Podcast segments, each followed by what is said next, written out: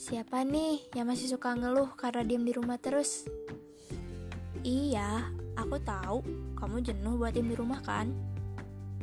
Tapi kamu juga harus tahu dong situasi di dunia ini kayak gimana.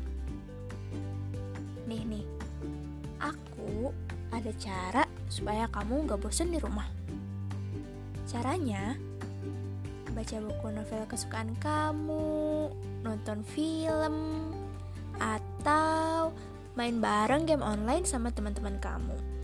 Secara online ya, bukan secara langsung.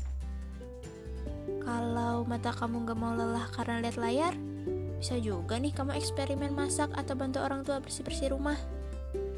Jadi, rasa bosan kamu bakalan hilang deh. Tapi jangan lupa juga kamu jaga kesehatan biar kamu sehat terus. Kalau nanti sakit gimana? Kan saat itu mahal. Oh iya, jangan lupa buat berdoa supaya situasi di dunia ini cepat membaik.